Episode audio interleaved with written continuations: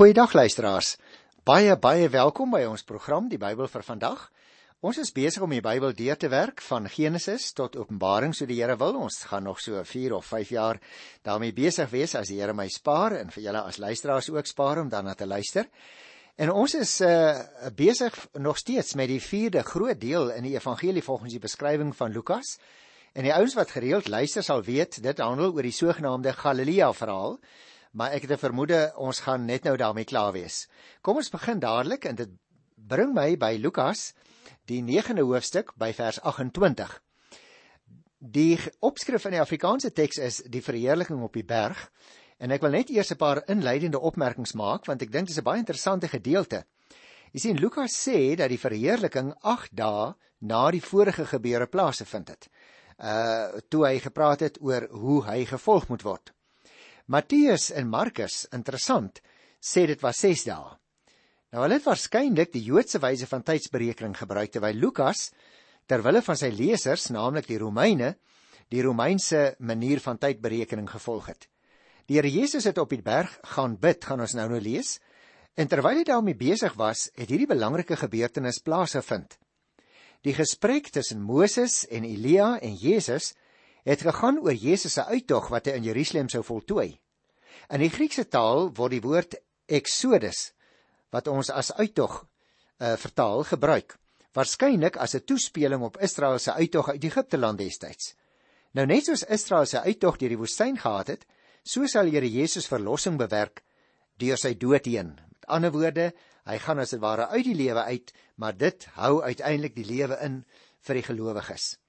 Maar kom ek begin dadelik te lees by Lukas 9 vers 28 tot 33. Omtrent 8 dae nadat Jesus hierdie woorde gesê het, het hy vir Petrus en Johannes en Jakobus saamgeneem die berg op om te gaan en bid. Terwyl hy bid, het die voorkoms van sy gesig anders geword as sy klere skitterend wit.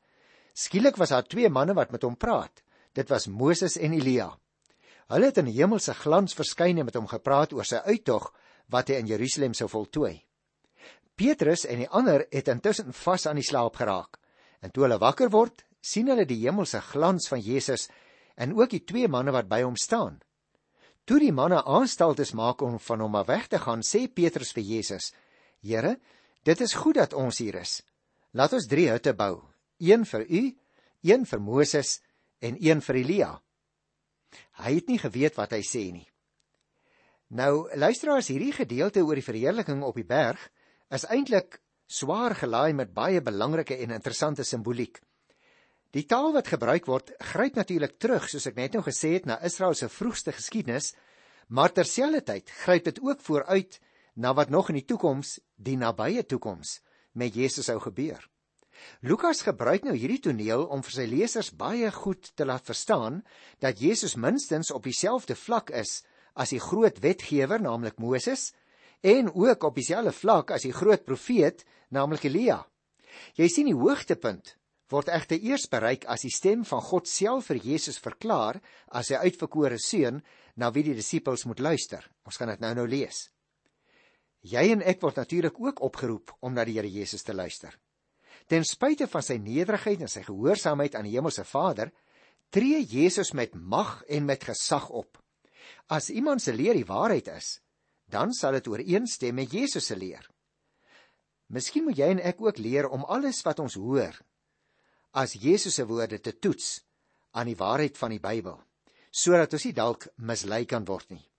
Maar luister net weer na vers 33. Toe die manne aanstaltes maak om van weg te gaan, sê Petrus vir Jesus: "Here, dit is goed dat ons hier is. Laat ons drie hutte bou, vir u een, vir Moses een en een vir Elia." Maar nou merk Lukas op Hy het nie geweet wat hy sê nie. Miskien dalk sou ek wou sê, het Petrus aan die Huttefees gedink, waar hutte gebou is om die trek uit Egipte en gevolglik die bevryding van die slawerny daar te herdenk. Tydens hierdie trek moes tydelike hutte opgerig word wat vinnig gebou kon word en ook weer vinnig afgebreek kon word wanneer die trek verder beweeg. Petrus wou vir Moses en Elia daar hou en saam met hulle daar bly op die berg. Petrus sou egter uitvind dat dit nie was wat God wou hê nie. Jy sien luisteraar, Petrus en Jakobus en Johannes het iets baie baie buitengewoons en wonderliks daar op die berg beleef. En daarom kan ek verstaan. Daarom wou hulle eintlik nie weer daar weggaan nie. Dit is net soos jy en ek. Ons is ook maar geneig om te wil bly waar iets baie wonderliks beleef word.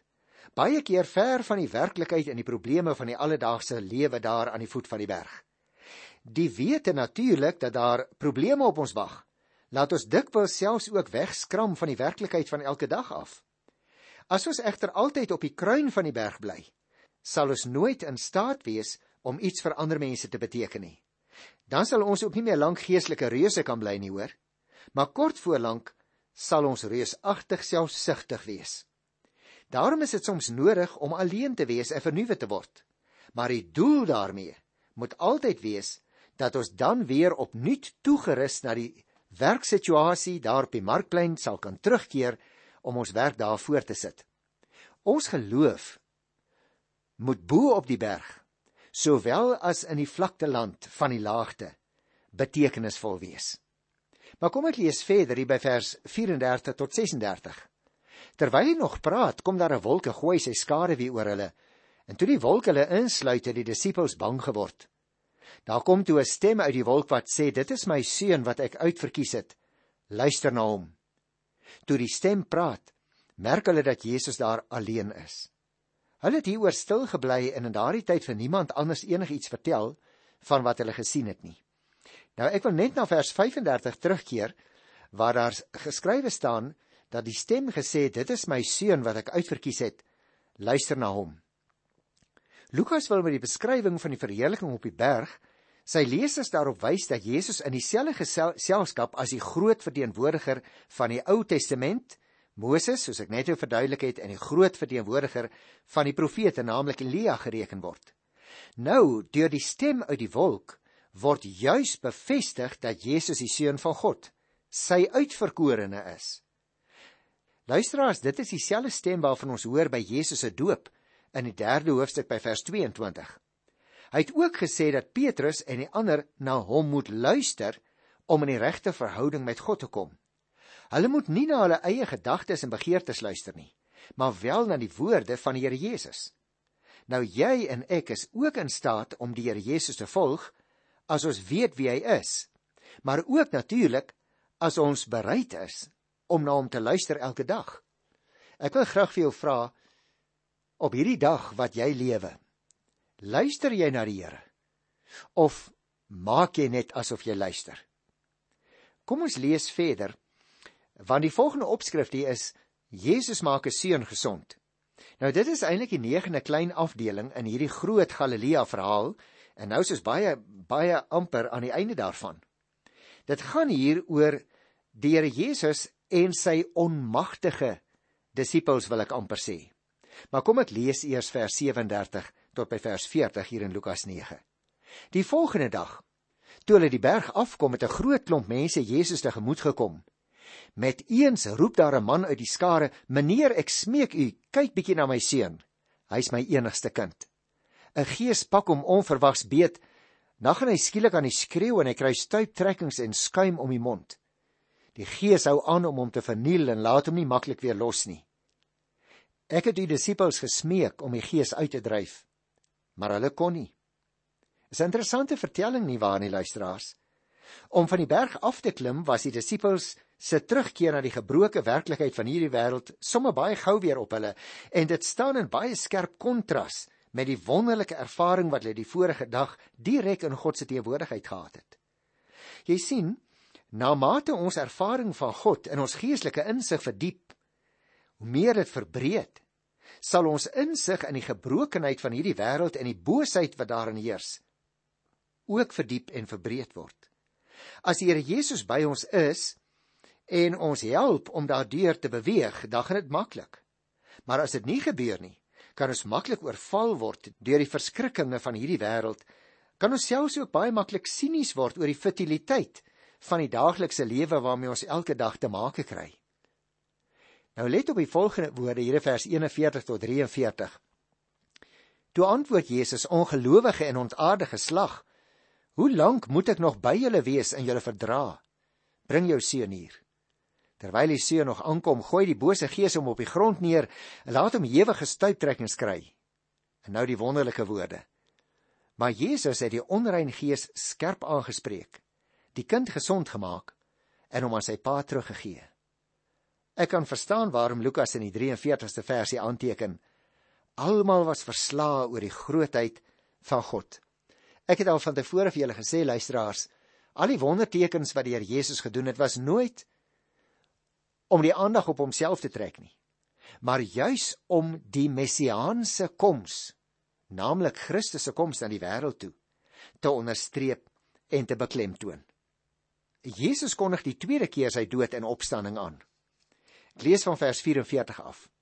Terwyl almal verbaas was oor alles wat Jesus gedoen het, sê hy vir sy disippels: "Wat julle betref, hou hierdie woorde goed in gedagte. Die seun van die mens gaan in die hande van mense oorgelewer word." Maar hulle het hierdie uitspraak nie verstaan nie. Die betekenis daarvan was vir hulle bedek sodat hulle dit nie kon begryp nie, maar hulle was te bang om Jesus daaroor uit te vra. Nou dis 'n interessante mededeling luisteraars, want as 'n mens dit mooi bekyk, dan kom jy agter dat die Here hier ook vir hulle 'n belangrike les wil leer. Jy sien die disippels het nie verstaan wat Jesus omtrent sy dood gesê het nie. Hulle het hom nog as 'n aardse koning gesien en hulle wou graag sorg dat hulle belangrike posisies in sy koninkryk beklee. Hulle het hulle dus nie verder aan sy woorde oor sy dood gestuur nie en hulle dadelik begin stry oor wie die belangrikste sou wees. En daarom moet jy en ek dalk nou hier baie goed begin luister. Jy sien dit is eintlik baie ironies dat die disippels oor hulle eie belangrikheid kon stry net nadat die Here Jesus hulle van die komende verraad teen hom vertel het. Ware belangrikheid kan slegs gevind word in opregte selfopofferinge gehoorsaamheid aan God. En dit luisteraars kan slegs plaasvind as ons volgelinge van die Here Jesus word nie om te kry nie, maar om werklik onvoorwaardelik vir hom te volg en hom te dien. Daarom hierdie woorde: Wie is die belangrikste? Moet ek nog 'n keertjie lees. En nou gaan ek 'n bietjie verder lees van vers 46 af luister. Daar het 'n stryery onder hulle ontstaan oor wie van hulle die belangrikste is. Jesus het geweet met watter gedagtes hulle besig was en hy trek 'n kindjie nader om langs hom te kom staan. Toe sê hy vir hulle: Elkeen wat hierdie kindjie in my naam ontvang, ontvang my. En elkeen wat my ontvang, ontvang hom wat my gestuur het. Wie die minste onder julle almal is, hy is groot. Mag ek vir jou vra, hoeveel gee jy vir ander mense om? Jy sien die antwoord op hierdie vraag kan tot in 'n groot mate bepaal hoe groot jy self in God se oë is. Het jy onlangs gewys dat jy omgee? Veral as dit kom by hulpelose en behoeftige mense, mense wat nie vir jou enigiets kan teruggee nie. 'n Opregte en 'n eerlike antwoord op hierdie vraag, wie is die belangrikste, sal vir jou en vir my 'n aanduiding gee van hoe groot jy werklik en ek werklik in ons eie oë is. Nou luisteraars, dit bring my nou by die laaste 2 versies in hierdie Galilea verhaal. Hier in Lukas vers 49 en 50. Die opskrif is: Wie nie teen julle is nie, is vir julle. Toe sê Johannes: Here, ons het iemand gesien wat in u naam bose geeste uitdryf en ons het hom probeer keer omdat hy u nie saam met ons volg nie. Maar Jesus sê vir hom: Moet hom nie keer nie. Want wie nie teen julle is nie, is vir julle. nou ja, luister as ek dink ons kan hiervan net een ding sê, die disippels was baie duidelik jaloers. Kort tevore kon hulle nie daarin slaag om 'n bose gees uit te dryf nie. Gaan kyk maar weer net so 'n bietjie terug in Hoofstuk 9 by vers 40. Toe hulle egter iemand anders sien bose geeste uitdryf, het hulle hom beveel om dadelik daarmee op te hou. Ons voel ook dikwels gekrenk as iemand anders slaag op 'n gebied waar jy en ek misluk het. Maar die Here Jesus sê nou duidelik dat jaloesie geen plek in sy koninkryk het nie. O, jy en ek moet Christelike werkers buite ons eie kring net soos die Here Jesus verwelkom. Ons moet liefde teenoor hulle betoon en nie jaloers wees op hulle nie, hoor. En ek dink miskien moet ons selfs nie so kerkisties wees as wat ons dikwels is nie. Nou goed, dit bring ons aan die einde van hierdie vierde groot afdeling in Lukas wat dan gehandel het oor die gebeure in Galilea. die volgende opskrifie wat ons hier in die Afrikaanse teks het is 'n Samaritaanse dorp wys Jesus af. Nou luisteraars, dit bring ons uh, ook ter te gelykertyd by die vyfde groot afdeling in die Lukas Evangelie. Dit word dikwels genoem in die literatuur die reisverhaal. En die reisverhaal strek dan hier van Lukas 9 vers 51 af tot by hoofstuk 19 vers 28.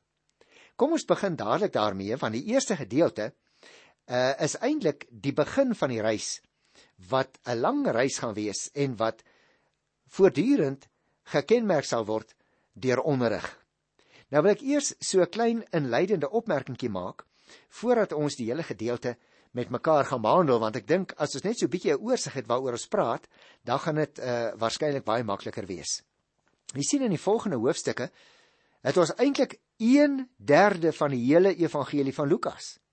En daarin beskryf die evangelis Lukas vir ons die reis wat Jesus onderneem het na Jerusalem waar hy uiteindelik sou sterf en opstaan. Hy herinner ook sy lesers telkens daaraan dat Jesus op pad is na Jerusalem en dit bring die leser natuurlik onder die indruk van die dringendheid om te reageer op Jesus se uitsprake en ook op sy uitnodigings. Hulle word bewus van die dringendheid en die min tyd wat oor is om tot 'n beslissing te kom rakende Jesus se oproep, naamlik om God te sien soos Jesus hom sien en om in die regte verhouding met hom te kom en elke dag met die regte verhouding met hom te lewe. Jy sien, die grootste deel van Lukas se evangelie bestaan eintlik uit verskillende los insidente uit die lewe van die Here Jesus. Ook die gebeure op die finale reis na Jerusalem nou is meesal sulke los episodes wat nie noodwendig direk met mekaar in verband staan nie. En daarom is dit soms moeilik om die episodes saam te groepeer.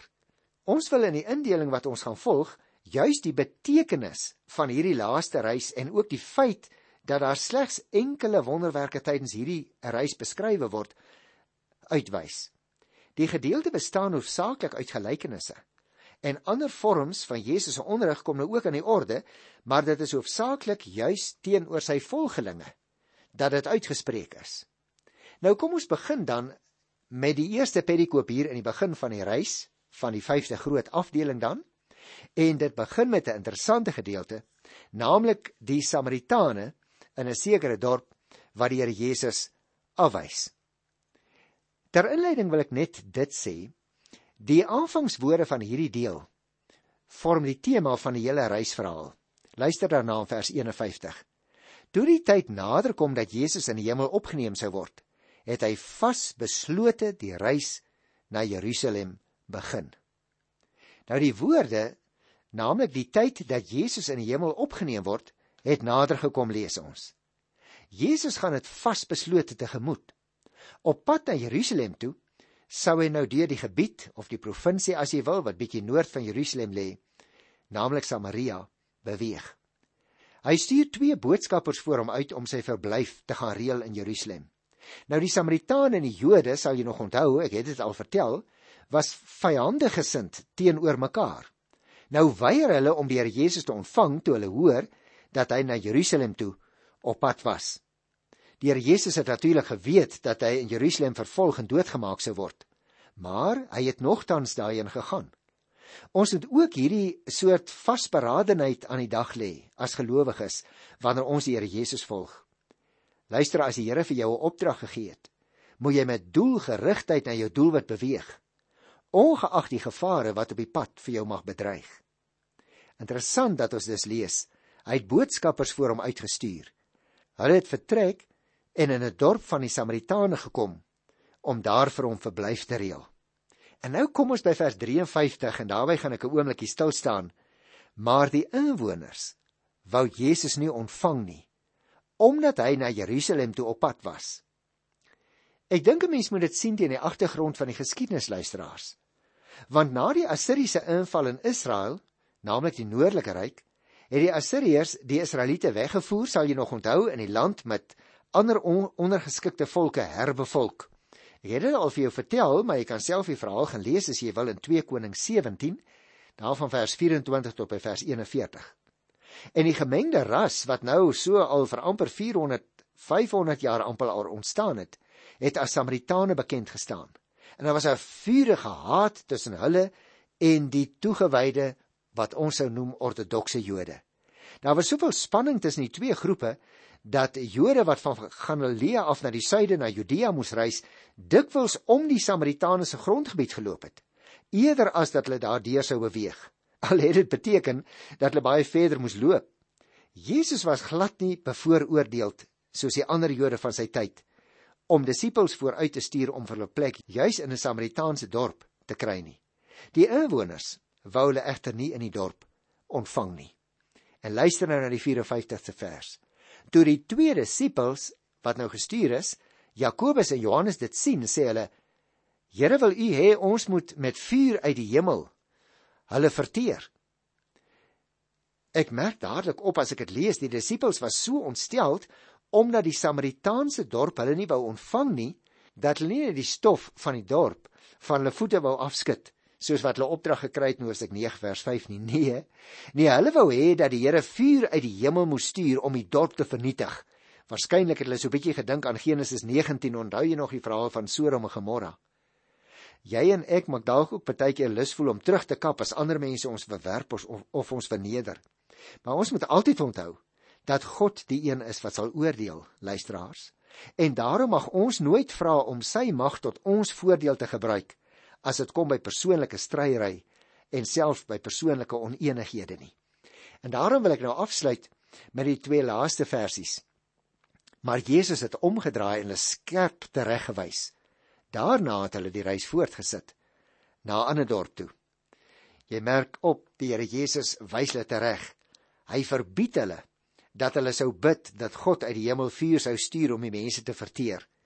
Nou as moontlike verklaring van die houding van die Here Jesus, het latere tekslesings die volgende woorde hierby ingevoeg: "Want die seun van die mens het nie gekom om te verderf nie, maar om te red." Nou hierna eh, lees ons: "Het hulle toe na 'n ander dorp toe vertrek." Luisteraars, ek dink dit is so belangrik dat jy en ek sal weet dat ons die Here moet volg, nie uit eie belang nie, maar tot sy eer. Nou luister nou hoe moet hy dan gevolg word? Vers 57 sê terwyl hy op pad was, sê iemand vir hom: Ek sal u volg waar u ook al gaan. Toe sê Jesus vir hom: Jakkalse het gate en voëls het neste, maar die seun van die mense het nie 'n plek, 'n rusplek vir sy kop nie. Aan 'n ander een sê hy: Volg my. Maar hy antwoord: Here, laat my toe om eers terug te gaan om my pa te begrawe. Toe sê Jesus vir hom: Laat die dooies hulle eie dooies begrawe, maar gaan verkondig jy die koninkryk van God. Nou luisteraars, dit kan 'n misverstand wees waaronder ons verkeer as die dooies hulle eie dooies moet begrawe, maar dit gaan natuurlik daaroor dat geestelike dooie mense maar hulle eie dooies moet begrawe. Maar jy wat tot die lig gekom het en tot geloof gekom het, volg jy vir my. Maar daar was nog iemand.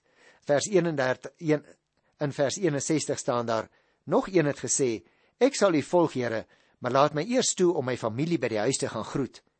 Toe sê Jesus: Iemand wat die hand aan die ploeg slaan en aanhou omkyk na wat agter is, is nie geskik vir die koninkryk van God nie. Mag ek vir jou dit so saamvat onder hierdie vraag: Wat verwag Jesus van ons? Luisteraars, hy verwag algehele oorgawe, nie halfhartige toewyding nie. Jy en ek kan nie kies watter van Jesus se opdragte ons gaan gehoorsaam en hom op 'n onvoorwaardelike manier volg nie. Ons moet die kruis saam met die kroon aanvaar, die genade saam met die swaar kry. Ons moet die koste bereken en gewillig wees om alle ander dinge wat vir ons moontlik sekuriteit kan bied te laat vaar. As ons ons oog op die Here Jesus Christus gefestig hou, mag ons nie toelaat dat enige iets ons laat afwyk van die lewe waartoe hy ons roep nie. En daarom wil ek afsluit met hierdie versie wat hier in vers 62 staan wat ek nou nog gelees het. Iemand wat die hand aan die ploeg slaan en aanhou omkyk na wat agter is, is nie geskik vir die koninkryk van God nie. Mag ek vir jou ten slotte vra: Is jy geskik vir die koninkryk van God in jou toewyding? Luisteraars en op hierdie uitnodiging en op hierdie vraag wil ek jou dan groet vir vandag in die wonderlike naam van Jesus Christus ons Here. Tot volgende keer. Totsiens.